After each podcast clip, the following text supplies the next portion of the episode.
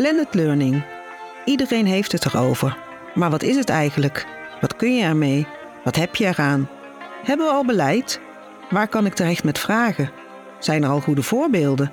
In de podcastserie Fontis Blended Learning gaan we in op blended learning bij Fontis en daarbuiten. Welkom bij de podcast Fontes Blended Learning. Mijn naam is Georges Amet. En mijn naam is Denise van der Pas. Vandaag spreken we met Johans Marius en Suzanne van Brussel over de vraag aan welke ontwerpprincipes een blended leerarrangement moet voldoen om studenten in een flexibele leeromgeving te helpen weloverwogen keuzes voor modules te maken. Johan en Suzanne, in welke volgorde dan ook, zouden jullie je willen voorstellen? Waar werken jullie en wat is jullie rol? Nou, ik ben Johan Sparius. Ik ben docent-onderzoeker uh, bij het lectoraat digitale didactiek in de onderzoekslijn rondom het flexibiliseren.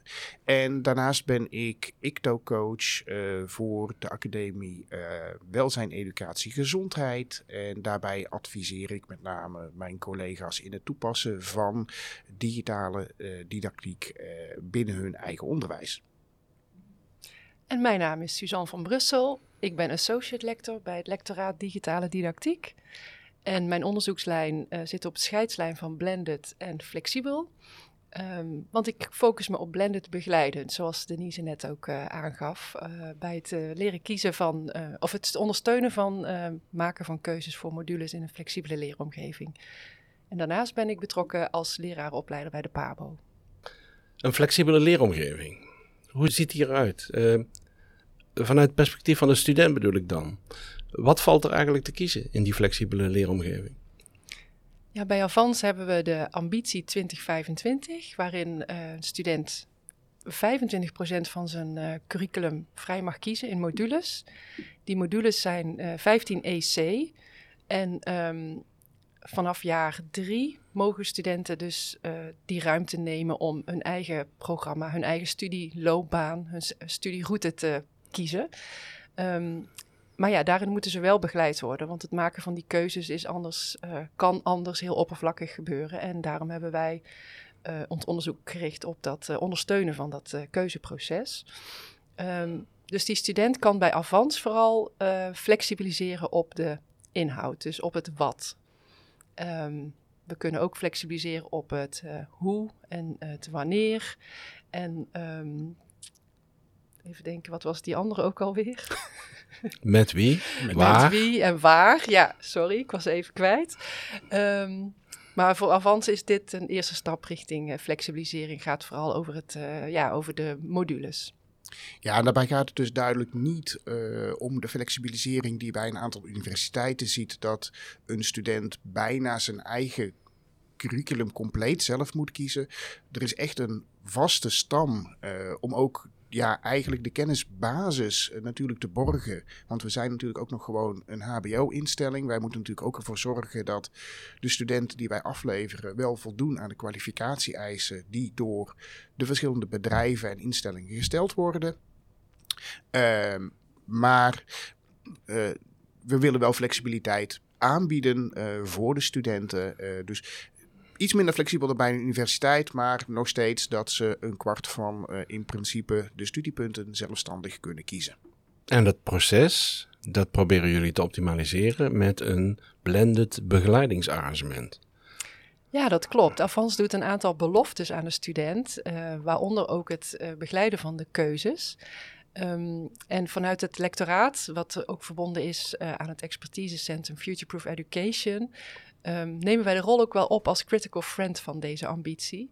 En um, is dat begeleiden van die keuze ook wel belangrijk om dat evidence-informed te doen, zoals we dat noemen. Dus dat je dat wel op een bepaalde ja, bewezen manier doet, of in ieder geval met behulp van evidence. En dat kan zowel theorie zijn als praktijkkennis. Um, en Johan en ik hebben daarin uh, een blended begeleidingsarrangement ontwikkeld, wat we nog niet hebben uitgetest. Dus het is nog uh, vooral een theoretisch model. We hebben wel enkele docenten dat voorgelegd. Um, en dat is gebaseerd op, de, uh, op een blended wave. Um, en die begint meestal asynchroon. En onze wave begint juist wel met het gesprek met de docent. Ehm, en misschien, Johan, kun jij wat meer vertellen over het begin, over dat intern kompas. Wat, uh, ja, wat we ook hebben uh, geraadpleegd op basis van uh, jullie collega Evelien Meens. Ja, als je kijkt natuurlijk voor een keuze, wat is dan heel belangrijk dat een student wel degelijk duidelijk heeft van waar liggen de interesses, waar liggen mijn doelen, waar liggen mijn waarden. Nou, sommige studenten zullen die compleet zelf al weten en heel erg helder hebben voor zichzelf. Soms ook niet. En ook daar is het natuurlijk handig om daar als begeleider, coach, uh, studieloopbaanbegeleider, hoe toevallig die rol ook maar genoemd wordt uh, binnen de instelling. Om daar een student in te begeleiden, om die in eerste instantie te ontdekken. Om te kijken van oké, wat is nou de basis van mijn keuze? Want hoe beter je een beeld hebt van je eigen basis, waar ben je naar op zoek?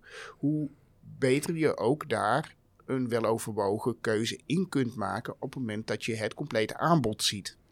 Uh, juist om te voorkomen dat studenten eigenlijk uh, maar een willekeurige keuze maken omdat die er toevallig leuk uitziet. Is dan ook een probleem dat bij een verkeerde keuze uh, de beschikbare studietijd een probleem wordt? Nou, laat ik iets anders zeggen. Bestaat een verkeerde keuze? Want dat is natuurlijk ook iets wat wij heel erg ja, wel tegen zijn om die term te gebruiken. Heel want goed, ja. elke keuze die een student maakt, daar leert hij iets van. Uh, we hebben het sowieso maar over modules van 15 EC, dus uh, in principe 10 weken. Het kan misschien een wat minder plezierige keuze, passende keuze zijn voor een student.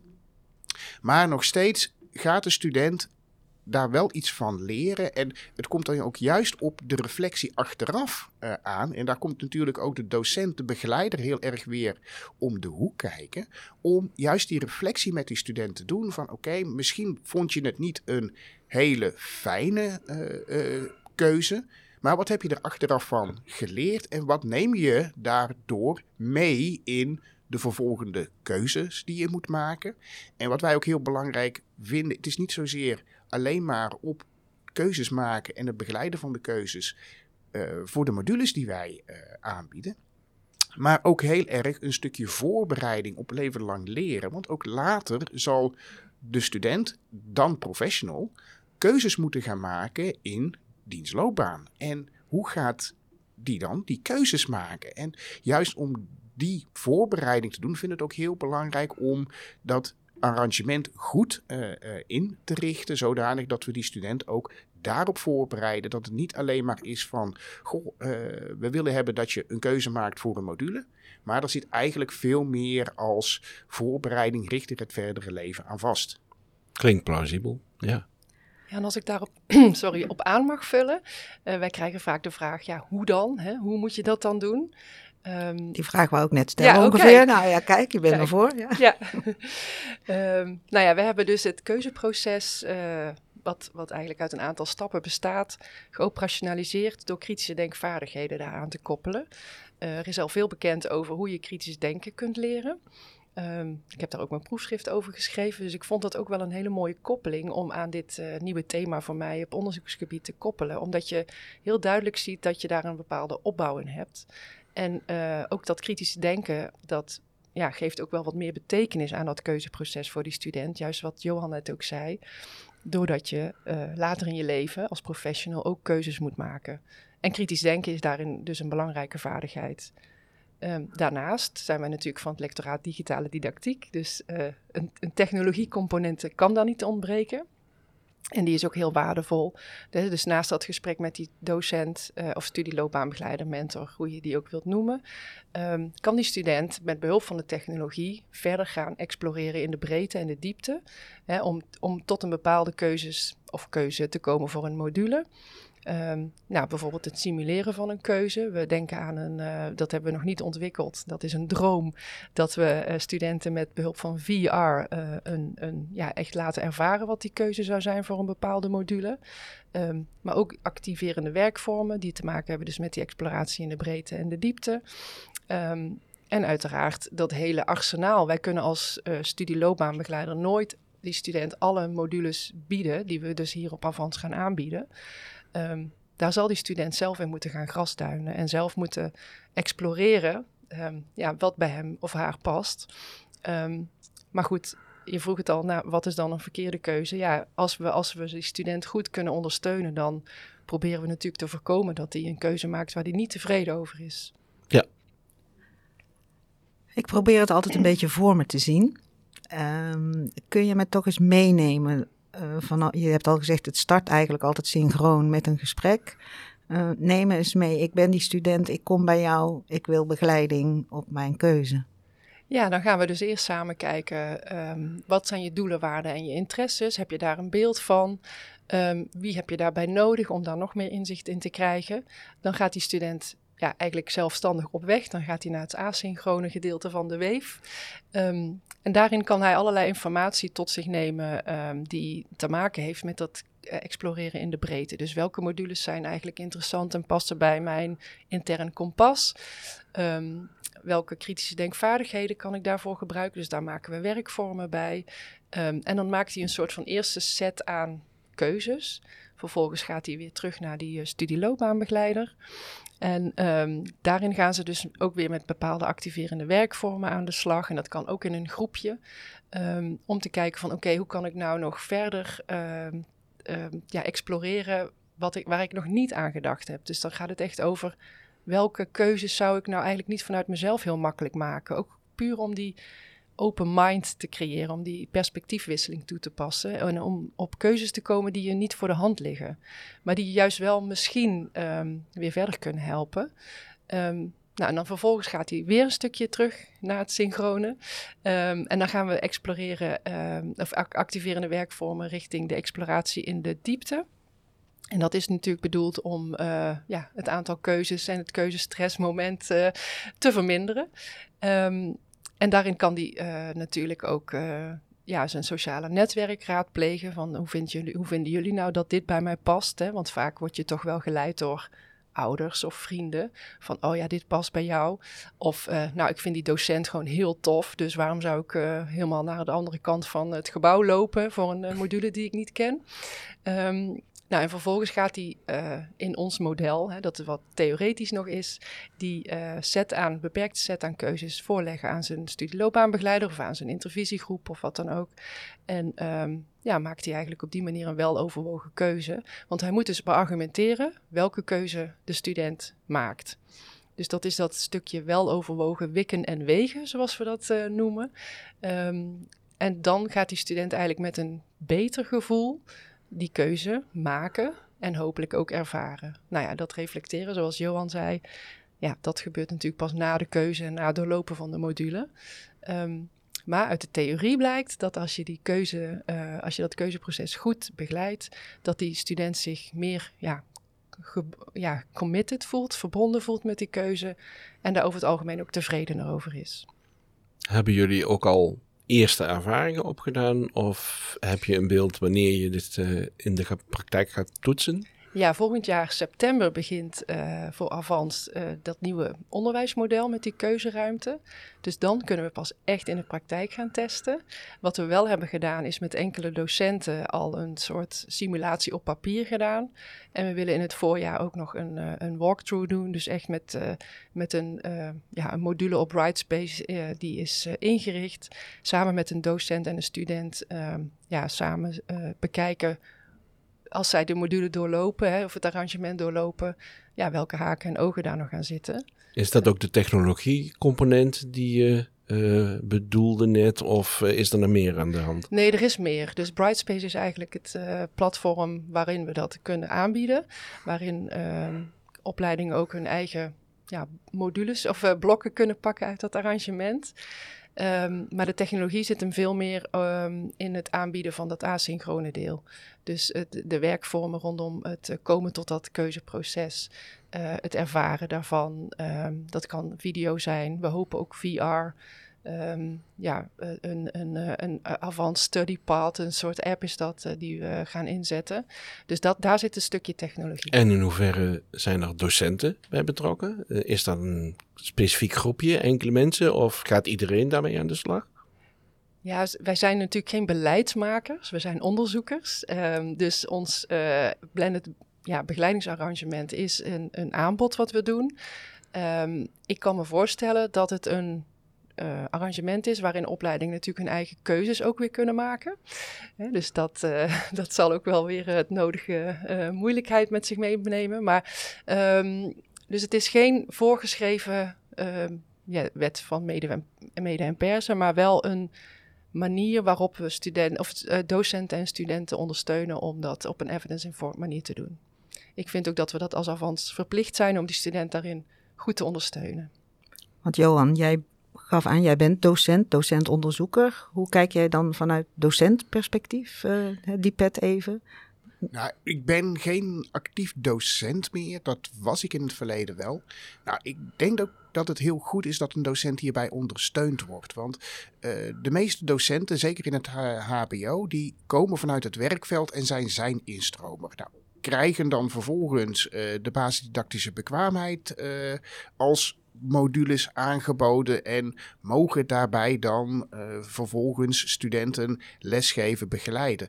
Alleen in de huidige kwalificatie voor een HBO-docent zit ook helemaal niets rondom het begeleiden van keuzes voor een student. Dus die hebben ook, de collega's hebben ook echt wel wat handvaten nodig. En de ene zal dat misschien automatisch vanuit de historie kunnen, vanwege datgene wat die toevallig in het beroepsveld eh, heeft gedaan. Maar er zullen ook voldoende docenten zijn die ja, nooit iets met begeleiding van studenten en keuzes of wat dan ook gedaan hebben. Ja, dan is het wel handig om die ook handvaten te geven van hoe kun je dit nu begeleiden. En vooral ook om te voorkomen dat er een soort tunnelvisie ontstaat. Want een docent heeft natuurlijk heel erg goed een beeld van de keuzemodules die binnen de eigen opleiding beschikbaar zijn, eventueel binnen de eigen academie beschikbaar zijn, maar absoluut niet een goed beeld over de modules die over alle andere academies beschikbaar zijn. En misschien zelfs in de toekomst, als dit zich verder uh, ontwikkelt, zelfs misschien bij andere instellingen beschikbaar zijn. Nou, en dat zou volgens mij echt een gemiste kans zijn als dan een docent eigenlijk op basis van die toch hele beperkte tunnelvisie zo'n adviesgesprek ingaat met een student. En daarbij eigenlijk dan ja, eigenlijk automatisch een beetje die student in een bepaalde keuzemodule duwt, adviseert. Uh, van, oh, die past wel bij je. Simpel omdat die niet een voldoende breed beeld heeft van de andere mogelijkheden. Ik kan niet vragen naar de geleerde lessen, want die zijn er nog niet maar je bent ooit ergens begonnen. Is er in dat denkproces, in dat ontwikkelproces, uh, sprake van nieuwe inzichten? Dat je dacht van, we gaan die kant op, maar ik heb moeten bijstellen, want... Mag ik daarop reageren? Natuurlijk. ja, ik, um, ik kom uit een, een, een, een, promotietraject rondom instructieprincipes van kritisch denken. En uh, ik ging in het lectoraat digitale didactiek werken. Uh, met name omdat ik ook geïnteresseerd ben in die combinatie tussen mens en technologie. Um, en ik had nooit verwacht dat kritische denkvaardigheden eigenlijk ook gekoppeld konden worden aan het keuzeproces. Dus dat was voor mij wel een heel mooi inzicht. Ook omdat ik, hè, ik ben zelf natuurlijk ook lang docent uh, geweest.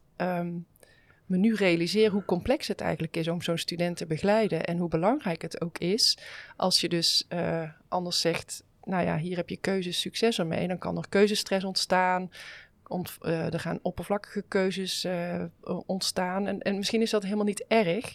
Maar um, voor mij was het wel een eye-opener dat je dus het belang van kritische denkvaardigheden, wat we volgens mij in de maatschappij allemaal wel uh, erkennen, um, kunt koppelen aan dat keuzeproces. Ja, mijn grote droom zou zijn dat mensen dus inderdaad ook kritisch leren denken door dit uh, blended leerarrangement. Maar goed, transfer is daarin altijd best wel lastig. Maar dat was voor mij wel een eye-opener. Um, dus ja, ook de, de, de inzet van de technologie, maar ook zeker het koppelen van de kritische denkvaardigheden aan het keuzeproces. Ja, en als ik naar mijzelf kijk, uh, nu na 2,5 jaar onderzoek, en terugkijkt van oké, wat bieden we nu eigenlijk studenten op dit moment? Uh, en dan landelijk gezien natuurlijk, onder andere bij de keuze voor de minoren. Nou, dan kijk ik naar hoe Kies op Maat uh, in elkaar steekt en de begeleiding die Kies op Maat biedt om aan de student om überhaupt een keuze te maken, dan denk ik van ja, dit kan beter, dit moet beter. Wij kunnen niet een student uh, of een groep studenten zeggen van we bieden je meer flexibiliteit, uh, flexibiliteit aan, je mag veel meer keuzes maken. Maar hoe je die keuzes maakt, zoek het maar uit.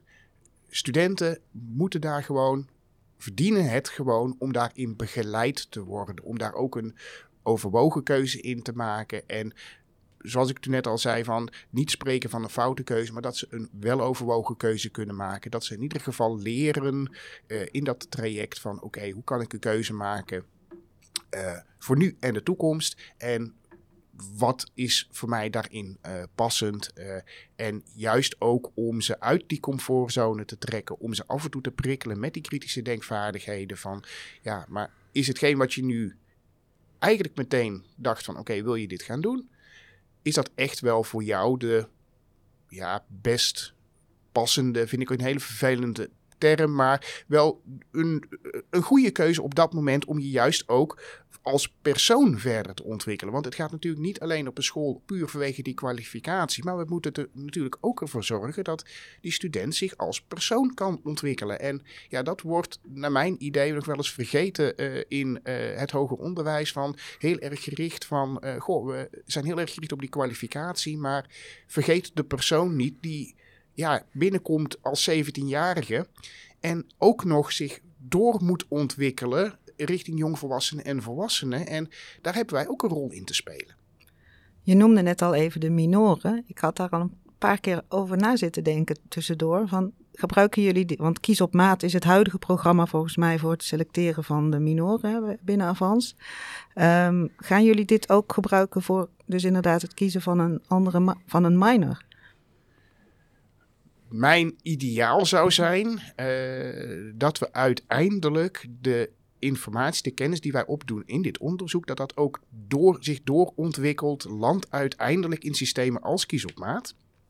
Zodanig dat niet alleen onze studenten daarvan kunnen profiteren, maar alle studenten in Nederland. Dat ze gewoon op een goede manier ondersteund worden in het uh, doen van uh, zo'n minorkeuze. Maar niet alleen van de minorkeuze, want flexibilisering zoals wij dat nu uh, voor ogen hebben, speelt niet alleen binnen Avans. Dat speelt bij heel veel hogescholen, tenminste als ik andere onderzoekers spreek.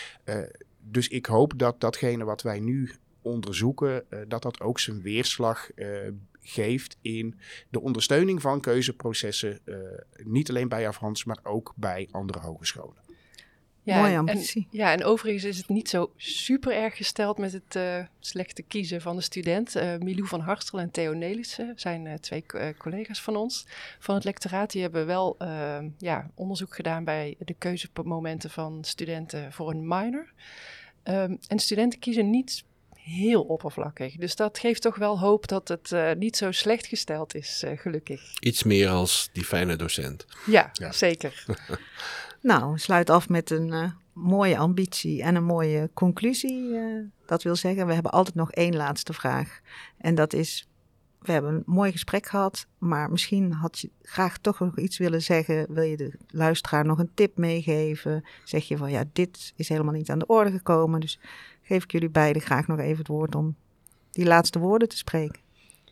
Ja, als ik voor mezelf spreek, um, als docent, studieloopbaanbegeleider, mentor, uh, verdiep je in dat keuzeproces om die studenten te begeleiden en neem dat serieus. Um, volgens mij ontstaan er dan uh, hele mooie nieuwe leerpaden voor de student. Nou, en voor mij om daarbij aan te sluiten, uh, er is natuurlijk een tendens om ook AI heel veel te gebruiken in van allerlei aspecten rondom het onderwijs. Uh, hou de persoonlijke uh, contact en de zelfregie daarbij bij de student. Ver, vervang het keuzeproces niet door een AI-systeem die voor een student gaat bepalen van, goh, dit is waarschijnlijk voor jou de meest passende waarschijnlijke keuze. Zorg ervoor dat die dialoog uh, er is, dat een student ook uitgedaagd wordt om juist uh, is, uh, een andere keuze dan de meest waarschijnlijke keuze ja, te overwegen. Dankjewel, Suzanne van Brussel en Johan Smarius. Wil jij als luisteraar op de hoogte blijven van de ontwikkelingen, good practices van blended learning bij Fontes en bij andere onderwijsinstellingen, zoals in deze aflevering bij Avans? Abonneer je dan op deze podcastserie.